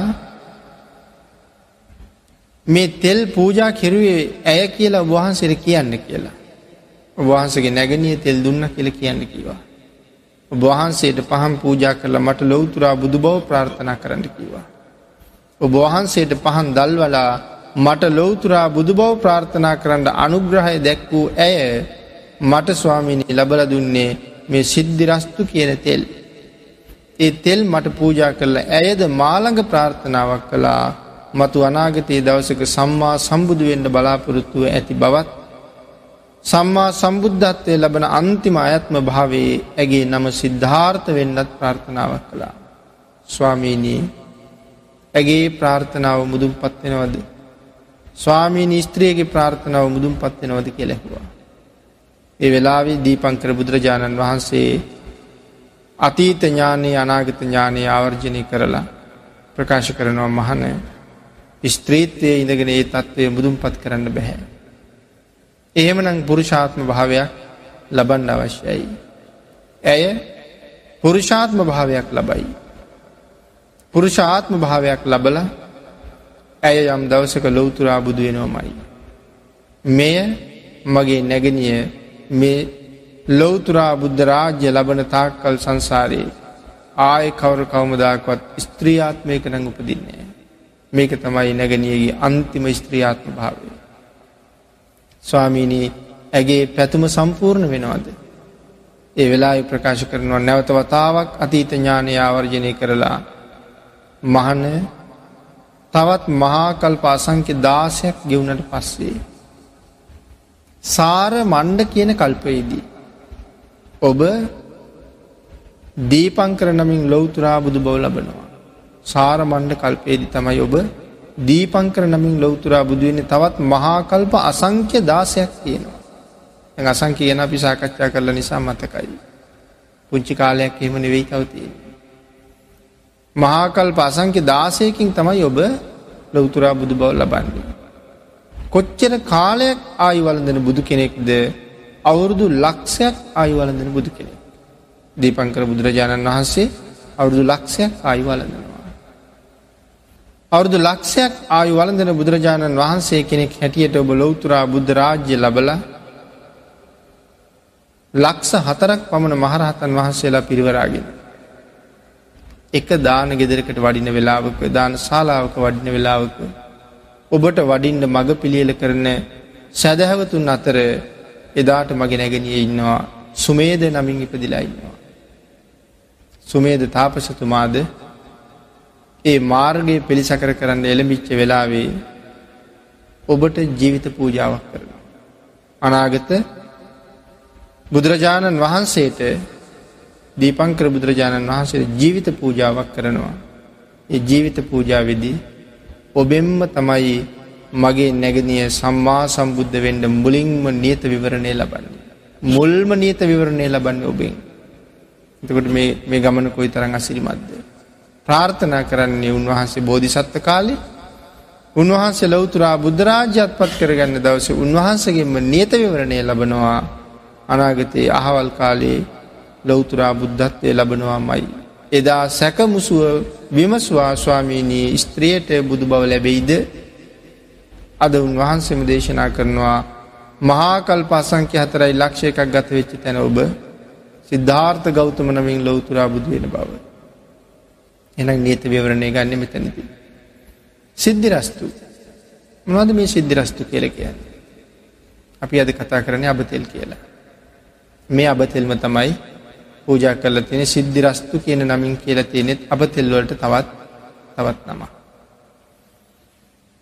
එමනම් මෙතනදී නියත විවරණය අරගත්තට පස්සේ මහා අභිනී හරය කියල මේකට සඳහන් කරන්න. කාරණා අටක් සම්පූර්ණ වෙලා තියෙන්ඩ ඕන මහා අභිනිහාරය ලබන්ඩ කරණ අටක්. අපි දැම් මේ මනෝප්‍රනිධාන සහ වාක් ප්‍රනිධාන කියන කාලයන් දෙකයි මේ පහු කරන්න යෙදනේ. මේ කාලය තුළ යම් යම් තැන්වල ඒ ඒ කාලසීමාවන් පිළිබුද සඳහන් කරලා තිබුණට අති දීර්ඝ වශයෙන් ඒ කාලසීමාවල් තුළ කොහොමද ගත කළේ කියන කරුණු එක දිගට සඳහන් කරලා නැහැ. මෙතෙන්ට එනකොට සැබෑ නියත විවරණය ගාවට ආවා. ඒ ඇන්නේ මහාකල් පසංක්‍ය දාස දැන් ගැවල ඉවරයි. ලෞතුරා බුදුරජාණන් වහන්සේලා පන්ලක්ෂ දොස් දාහක් මේ වෙනකොට දැකළ ඉවරයි. නියත විවරණය ලබාගන්නේ දීපංකර බුදුරජාණන් වහන්සේගේ. තව ඉදිරියට මේ මනෝ සහ වාක් ප්‍රනිධාන කාල තුළ සිදුවෙච්ච ඇතැම් ඇතැම් තොරතුරු අපට මුණගැහෙන්ඩ පුළුවන්. භාගිතුන් වහස මෙතන පැහැදිලි කරනවා ඒ නියත විවරණය ලබන වෙලාව කොයි වාගේ වෙන්ඩෝ නැති. කාරණ අටක් සරුව සම්පූර්ණ කරලා තිබුණොත් තමයි නියත විවරණය ලැබෙන්නේ. මනුස්සත්තං ලිංග සම්පත්තියෙන් හේතු සත්තාර දස්සනං. පබ්බජ්ජා ගුණ සම්පත්ති අධිකාරෝජ චන්දතා. අට්ට දම්ම සමෝධාන අභිනීහාරෝ සමිජ්ජති. මේ අභිනීහාරයේ සම්පූර්ණ වෙන්න නං මෙන්න මේ කාරණ අට සම්පූර්ණ කරලා තියෙන්ඩුවන. මොනවද කාරණ අට මනුස්සත්තන්. මනුස්ස ආත්ම භාවයක් ලබල උපදින්ඩුවන. කිසිම දෙවි කෙනෙකුට කිසිම බ්‍රහ්මයකුට ලොවතුරා බුදුවෙන්ට නියතවිවරණ ලබන්න බැහැ. මනුස්සයකුට විතරමයි ලොවතුරා බුදුවෙන්ට නීත විවරණයක් ලබන්න පුළුවන්. එහෙම නං මනුෂ්‍ය ආත්ම භාවය කොච්චර ශ්‍රේෂ්ඨද කියන කාරණාව මෙතන අපහු අපහු පැහැදිලි වෙනවා. දිව්‍යාත්ම භාවය ඉතා උතුම් බ්‍රහ්මාත්ම භාවය ඉතා උතුම්. මිනිස්සුන්ට වඩා සැපවත් මිනිස්සුන්ට වඩා ශ්‍රේෂ්ඨ ජීවිත ගත කරන අය. ඒ වනාට ලොවතුරා බුද්ධරාජ්‍ය ප්‍රාර්ථනා කරන්න නං මනුස්සයකුට විතරයි පුළුවන්කම තියෙන්නේ. එමන උන්වහන්සේලා අපට වඩා සැප සම්පත් වින්දට ලෝකයේ අති උත්තරීතර තැනට යන්න පටන් ගන්න පුළුවන්කම තියෙන්නේ මේ මනුස්ස ලෝක ඉඳලම තමයි. එමන මනුස්සත්තං කියල කියෙන් තැන මනුෂ්‍යාත්ම භාවම් තියෙන් ඕනෑ ලිංග සම්පත්තින්. මොකද මේ ලිංග සම්පත්තින් කියල සඳහන් කරන්න. මනුෂ්‍ය වෙන්ඩෝනෑ පිරිමි ආත්මයක් ලබන්ඩුවන. එකයි ලිංග සම්පත්ති කියල මෙතන සඳහා කර මනුස්ස වෙන්ඩෝන පුරුෂ ආත්ම භාවයක් තියෙන්ඩෝන. හේතු හේතු කියල කියන්නේ ඒ මොහොතේ නිවන් දකිින්ට තරම් පින්තියෙන්ඩුවන. නියත විවරණය ලබල දෙනකොට පංච අභිග්ඥා අෂ්ට සමාපත්ති තියෙන්ඩුවන. අනිවාරෙන් හැවිදි ජීවිතයක් ගත කරන්නත් ඕනෑ. ඒ කාරණාව මෙතන සඳහන් කරනවා පබ්බජ්ජා කියලා. හේතු කියලා කියන්නේ දැන් අපේ බුදුරජාණන් වහන්සේ ප්‍රඥාවන්ත බුදු කෙනෙක්. බුදුවරු කොට්ටාස තුනයි. ප්‍රඥාවන්ත බුදුවරු, ශ්‍රද්ධාවන්ත බුදුවරු, වීර්යාධික බුදුවරු. පුරාණ දීපංකර බුදුරජාණන් වහන්සේ වීර්යාධික බුදු කෙනෙක්. අපේ බුදුරජාණන් වහන්සේ ප්‍රඥාධික බුදුරජාණන් වහන්සේ නමක්. ඊළඟ අන්තර්කල්පය පහළ වෙන මෛත්‍රී බෝසතාණන් වහන්සේ මේ වෙනකොට බුදුරජාණන් වහන්සේලා ලක්ස හතරකට වඩා වැඩි ප්‍රමාණයකින් නීත විවරණ අරන්තියෙන. ලොවතුරා බුදුරු ලක්ෂ හතරකට වැඩා වැඩි ප්‍රමාණය. නියත විවරණ ස්තීරසාර විවරණ අනියත විවරණ නෙමෙයි. අපේ බුදුරජාණන් වහන්සේ විසි හතර නමකින් විතරයි ගෞරණ ගන්න. එන ප්‍රඥාවන්ත කියල කියනකොට බුදුවරු දෙන්නෙක් අතර මේ ශ්‍රද්ධාව ප්‍රඥාව වීරය කියන එක අපිට මනින්න බැහැ. නමුත් ඒක බුදුවරුන්ගේ මට්ටමෙන් මේ කාරණාවෙන් අපට පේනවා එක මොන තරම් උසස් මට්ටමකද කියන කාරණාව. ප්‍රඥාධික බුදු කෙනෙක්. දීපංකර බුදුරජාණන් වහන්සේ ධර්මයේ නාමයෙන් බණපද දෙකක් දේශනා කළාන. සුමේද තාපසතුමාට බණපද දෙකයි දේශනා කරන්න ඕනේ සුමේද තාපසතුමා මඩවල උඩ රහත්වෙනවා. බණපද දෙකයි ඕන. නමුත් භාගිතුන් වහස ධර්මය දේශනා කරන්නෙත් නැහැ සුමේද තාපසතුමා මට ධර්මයක් දේශනා කරන්න කියලා ඉල්ලීමක් කරන්න සූදාන්නුත් නෑ. බණපද දෙකකින් සංසාර සාගරයේ ඉවර කරන්න තියෙන මොහොතක උන්වහන්සේ කල්පනා කරන්නේ මම මෙතනදි නිවන් අවබෝධ කළොත් නස දන්නවයි කාරණාව. මම මෙතනදි නිවන් අවබෝධ කළොත් අනාගත සත්‍යයට කවුද පිහිට වෙන්නේ. එනිසා ම මෙතන නිවන් අවබෝධ කරන්නේ. ඒ නිසා ජීවිත පූජාවක් සිද්ධ කරන්න ේද. නිවන් අවබෝධ නොකරන්න තීරණය කරලා. මෙ මඩවල නිකම්ම ගොඩ කර කර හිටිය නෙමෙයි. මේ වෙලාව මේ ප්‍රාර්ථනාවටයි මේ සූදානන්ගේ. ඉර්දියෙන් ගොඩ කරන්න තිබුණ මේක විනාඩියක් ඇතුළත. එහෙම කරන්න නැත්තේ ඉර්දියෙන් ගොඩ කලා නම් පින් මදී. මහන්සේලා මහන්සේලා තමන්ගේ අතින් කරලා පූජා කළොත්න පින් වැඩි වෙන්නේ. අපිට පුළුවන් දානයක් කඩයකින් අරගිහිල දානයක් පූජ කරලා. එකෙත් පින් තියෙනවා. නමුත් තමන්ම මහන්සි වෙලා ආල් ගරාගෙන බත්තු යාගෙන මල්පිණි හදාගෙන දැලි ගාගෙන කුණු ගාගෙන මහන්සි වෙලා දාන්ටික කදල පූජා කරන්න තිබුත් අට වඩා හරියට කුසල් සිද්ධ වෙනවා. තමන්ගේ අතින්ම ඉලම්පසටික හදල පූජා කරන්න තිබුණ. තමන්ගේ අතින් පාතරා පිරිසිදු කර කර පූජා කරන්න තිබුණ. තමන්ගේ අතින් පාත්‍රා කැපසරුප් කර කර පූජා කරන්න තිබුණ. තමන්ගේ අතින් කොඩි මහමහ පූජා කරන්න තිබුණ. තමන්ගේ අතින් භාග්‍යතුන් වහන්සේට සැරසිලි කර කරා පූජා කරන්න තිබුණ. තමන්ගේ අතින් සිවරු මහමහ භාග්‍යතුන් වහසයට පූජා කරන්න තිබුණ. කඩින් අරගෙන පූජා කළට වඩා අප්‍රමාණානි සංසයි. එනම් ඒ නිසා තමයි තීරණය කරන්නේ ඉරදියෙන් ගොඩ කරන්න පුළුවන් මිනිස්සුත් තාපසතුමාට මේක පවරන්නේ ඇයි වල උන්වහන්සට ඉරදි තියෙනවා ඉරදියෙන් ගොඩ කරයි කියලදින්න. උන්වහස කල්පනා කරනවා ඉරදියෙන් ගොඩ කළොත් මට පින් සිද්ධ වෙන්නේ. පින් මදී ඒ නිසා මමත් මහන්සුවෙන්ඩ ඕන. කායික ශක්තිය යොද යොදා මේ වල ගොඩ කරන්න ඕන කියල තමයි වල ගොඩ කර කරයින්නකොට භාගිතුන් වහස වඩි. එනම් මෙතන සඳහන් කරනවා හේතු සත්තාර දස්සනං පබ්බජ්ජා ගුණ සම්පත්තිී අධිකාරෝච චන්දතා ගන හේතු සත්තාර දස්සනං. හේතු කියල කියන්නේ අපි සඳහන් කළා ඒ මොහොතේම නිවන් අවබෝධ කරන්න තරන් පින් වැඩිල් තියෙනක. සත්තාර දස්සනං. සත්තාර දස්සනං කියල කියන්නේ ලොවතුරා බුදුරජාණන් වහන්සේ නමකගෙන්ම මේ නියත විවරණය ලබන්ඩුවන. මහරහතන් වහන්සගෙනගෙන් ලබල බෑ පසේ බුදුරජාණන් වහන්සකින්ගෙන් ලබල නෑ ලොවතුරා බුදුරජාණන් වහන්සේ නමක්ම දැකලා උන්වහන්සේගෙන්ම නීතිවරණය ලබන්ඩ මෝන ලෞතුරා බුදුවෙන් සත්තාර දස්සන. පබ්බජ්ජා මේ වෙනකොට පැවිද්ද ලබල තියෙන්වන. ග්‍රෙසි ප්‍රෞජ්ජාවකින් පැවිදි වෙලා ඉන්නේ ගුණ සම්පත්තිී. එතන ගුණ සම්පත්ති කියල කියන්නේ පංච අභිග්ඥා අෂ්ට සමාපති තියෙන්ටවන. එකටයි ගුණ සම්පත්ති කියල සඳහන් කරන්න. අධිකාර අන්න අපි සඳහන් කරන අභතැන්ටෙනවා. අධික කැමැත්තක් තියෙන්න්න ඕනෑ මොකටද තමන්ගේ ජීවිතය හරි පූජා කරලා ලොවතුරා බුද්ධත්වය ප්‍රාර්ථනා කිරීමේ අධික කැමැත්තක් මෙතන තියෙන්ඩුව. පරිත්‍යාගය. කෙනෙකුට මේ ලෝකෙ කරන්න බැරි මහා පරිත්‍යාගයක් කරන්නඩුව. වෙන කෙනෙකුට කරන්න බැරි පරිත්‍යාගයක් වෙන්නත් ඕන. එනම් එහෙම පරිත්‍යාගයක් තමයි මේ වෙලාවෙ කරන්න ජීවිත පූජාවක්. ස්වාමීනි භාග්‍යතුන් වහන්සේ ඔබ වහන්සේ ඇතුළු ආර්ය මහා සංගරත්නය ශෙරි පතුල්වල මඩ අවරාගන්නේ නැතුව මගේ පිට උඩින් වැඩම කරන සේක්වා කියල ජීවිතය පූජ කර. මේ කී දෙනෙකුටද පූජ කරන්නේ. ලක්ස හතරක් මහරහතන් වහන්සේලාට. එතකොට එදා අය කොහොම දන්දුන්නද කියලා අපට හිතා ගණ්ඩුව. අද දහනමකට දානයක් දෙන්න ගියාම තියෙන කලබලී. මේ ලක්ස හතරම වඩින් නිධානයක් දෙට. දානකට වඩින විධාන ශාලාවට කොහොම දානශාලා තියෙන් ඇද්ද කොහොම පිරිස් සංවිධානය කරන්න ඇද්ද කොහොම දං හදන් ඇද්ද. වෙලාව පහුවෙන් නිසල දම් පිළිගන්නන්නත් ඕන. මොන සැලස්මක් තියන්නේ. ලක්ෂ හතරක් වඩිනවා ඒ ලක්ෂ හතරටමයි මේ ජීවිතය පූජ කරන්න. වහන්සේලා මගේ මගේ පිට උඩින් වැඩම කරන සේක්වා මඩගාගණ්ඩිපා සිරිපතුල්ලොද. ඒ වෙලාවේ තමයි භාග්‍යතුන් වහසේ බලන්නේ කවුද මේ ජීවිතය පූජා කරන කෙනා.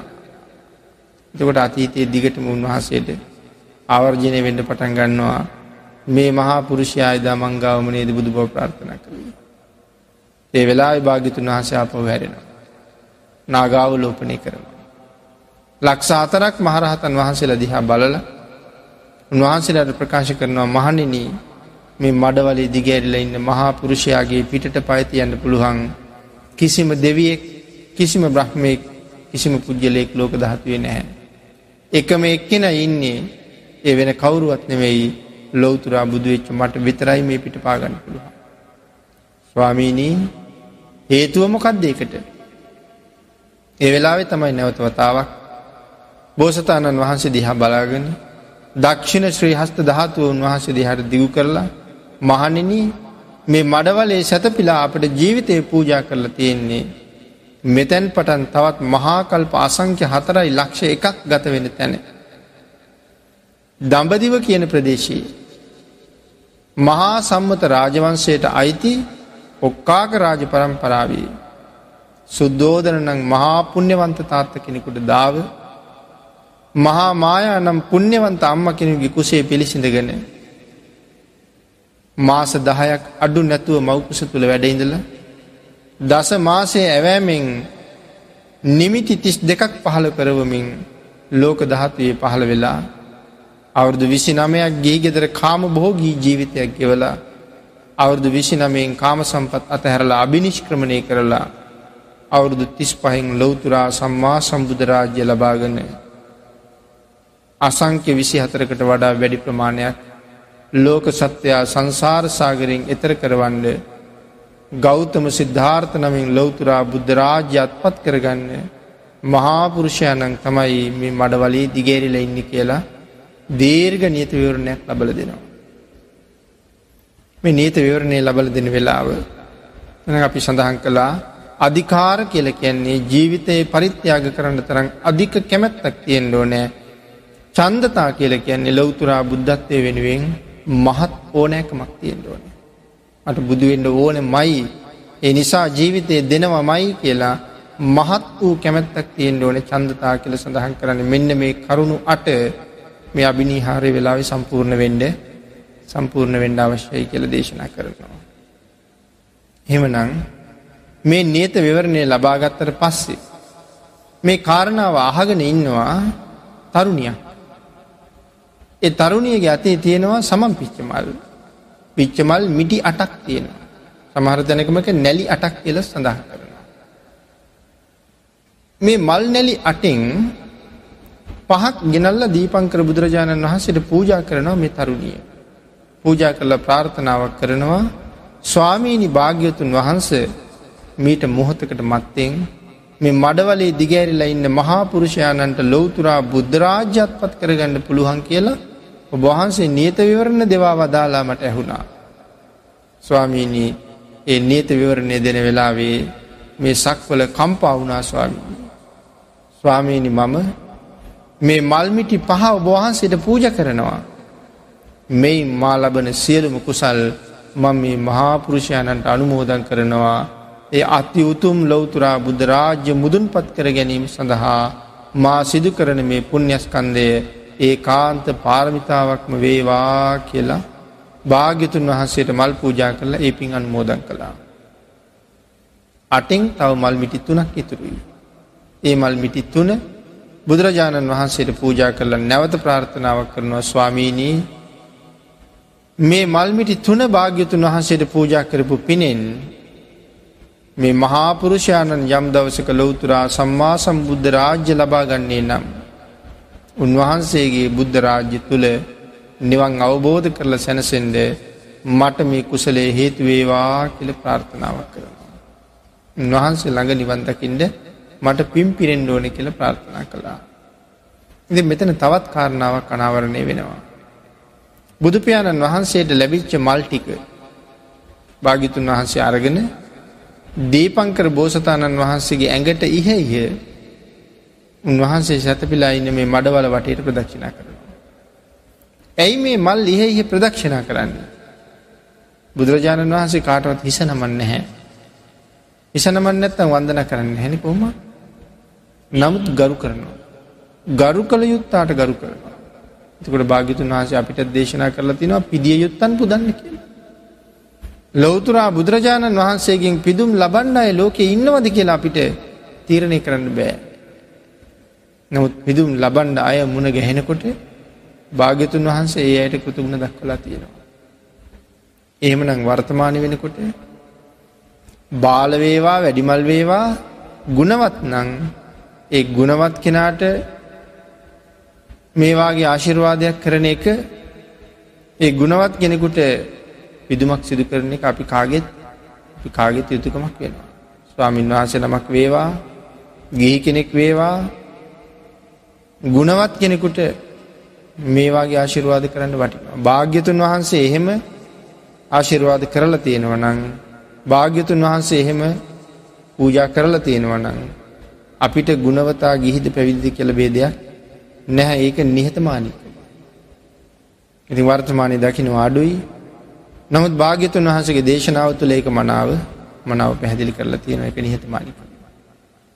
භාගිතුන් වහන්සේ විතරක් නෙවෙයි ලක්ෂ හතරක් මහරහතන් වහන්සේලා සියලු දෙනාම සුමේද තාපසතුමාට මේ වෙලාවේ මල් පූජ කරනවා. මල් පූජා කරලා උන්වහන්සේට ආශිරවාද කරලා උන්වහන්සේලා වඩිනවා. සුමේද තාපසතුමා මඩවල උඩ වාඩි වෙලා කල්පනා කරන අභාගිතුන් වහන්සේ මට මහා බලගතු කාර්යක් පැවරුවා ඒ කාර්ය මට මුදුන්පත් කරන්න පුළුහන්ද පෙර බුදුවරු ලොවතුරා බුදු බව කෙසේ ලැබුවේද කියල මඩවල උඩින්දගෙන මවර්ජනය කර. ඒ වෙලාවේ උන්වහන්සේට වැටහෙන්ට පටන් ගන්නවා එහෙමනම් දස පාරමිතා දස උපපාරමිතා දස පරමත්ත පාරමිතා මෙන්න මේ සමත්‍රින්සත් පාරමිතාව සම්පූර්ණ කරන්න ඕන ලොවතුරා බුද්ධරාජ මුදුන් පත් කරන්න. ඒ සඳහා උන්වහන්සේට කාලයේ තියෙනවා මහාකල්ප අසංක්‍ය හතරයි ලක්ෂ එක. අති දීර්ඝ කාලයක්. මේ කාල සීමාව තුළ ලෝක පහළ වෙනවා ලොවතුරා සම්මා සම්බුදුරජාණන් වහන්සේලා විසිහත් නම. මේ විසිහත් නමින් විසිතුන් නමකගින් විසි හතර නමකගින් උන්වහන්සේ නීති විවරණ ලබනවා. දීපංකර බුදුරජාණන් වහන්සේ හැර විසිතුන් නමකගින් නීතිවරණ ලබා ගන්නවා.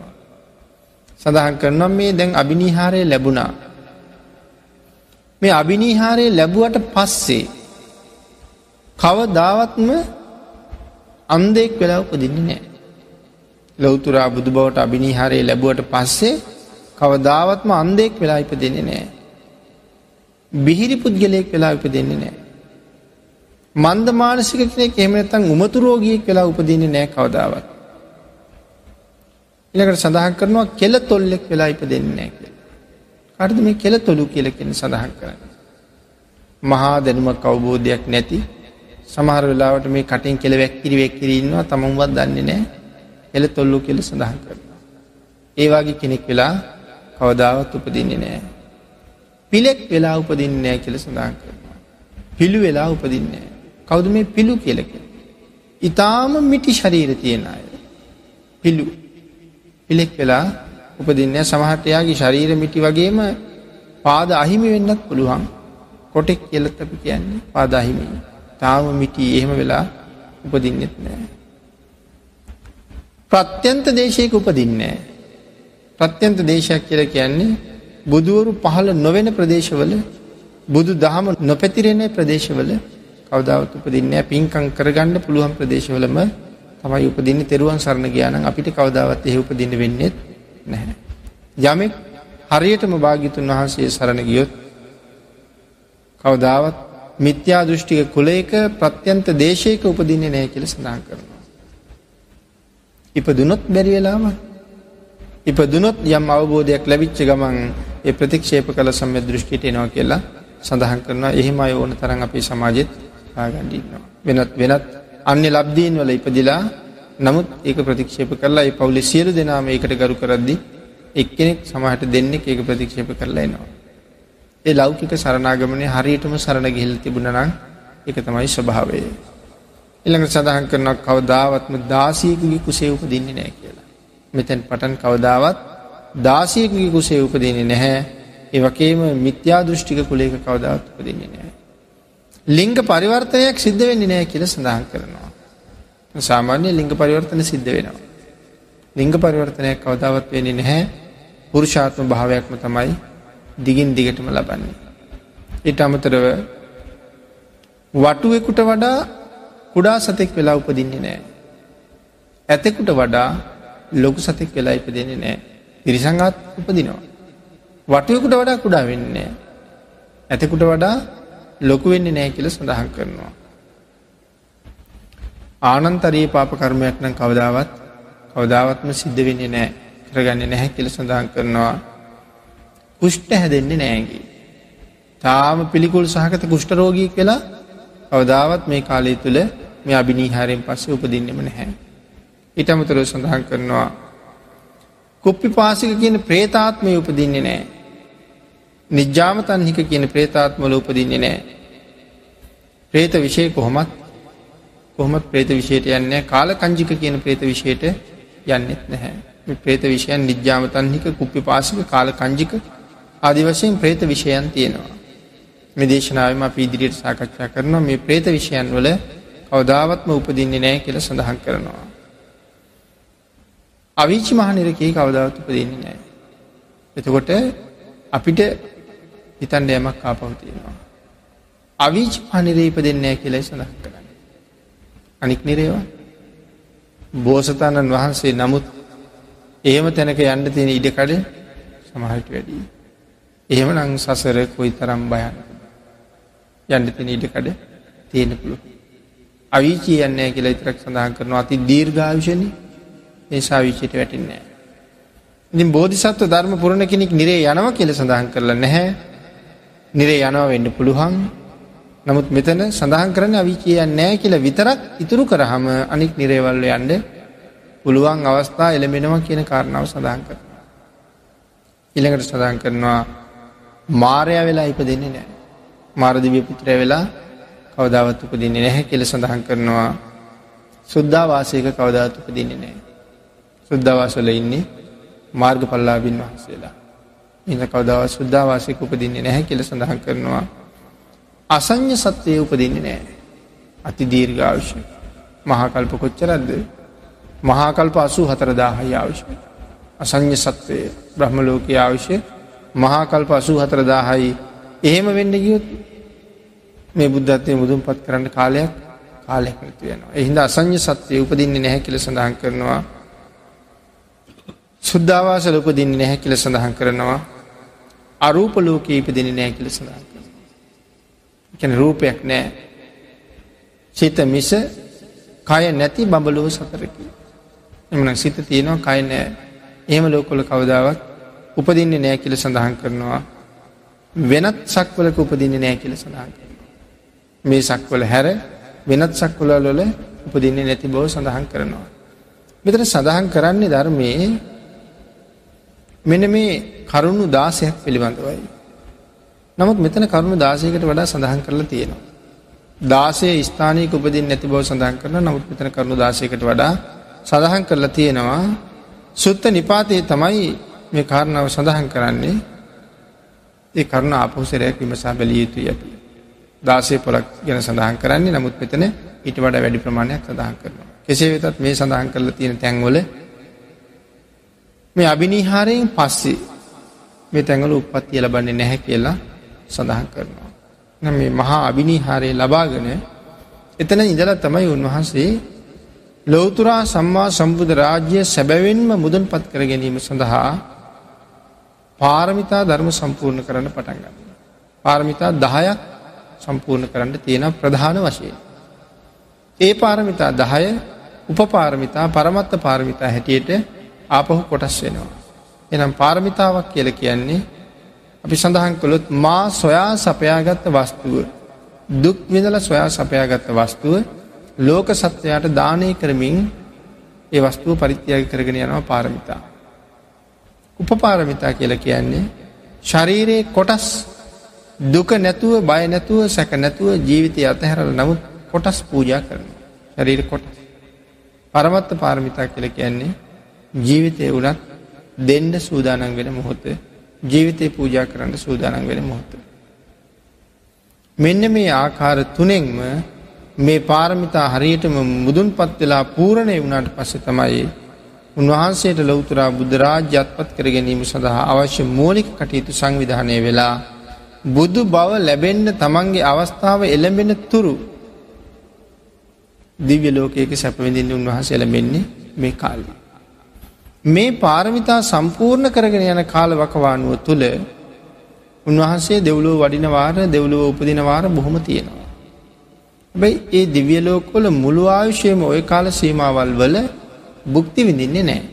ටික කාලයක් එහින්නවා නැවත මනුලෝට එනවා පින්කං කරගණ්ඩුවන් නිසා. ටික කාලයක් එහින්න නැවත මනුලෝ වෙනවා. එල්ල මහා පින්කං කරගෙන සමහට ඊට වඩා උසස් දිව්‍යාත්මල උපත්තිය ලබනවා නැවත කෙටි කාලයක් හිඳලා නැවත මනුස්සලෝක උපත්තිය ලබනවා. මෙහෙම මෙහෙම තමයි මේ පාර්මිතා ටික පූරණය කරන්නේ. එමනම් අපේ බෝසතාණන් වහන්සේගේ මහා අභිනීහාරය ගාවට එනකං කරුණු අපි මෙතනදි සාකච්ඡා කරන්නට යෙදනා.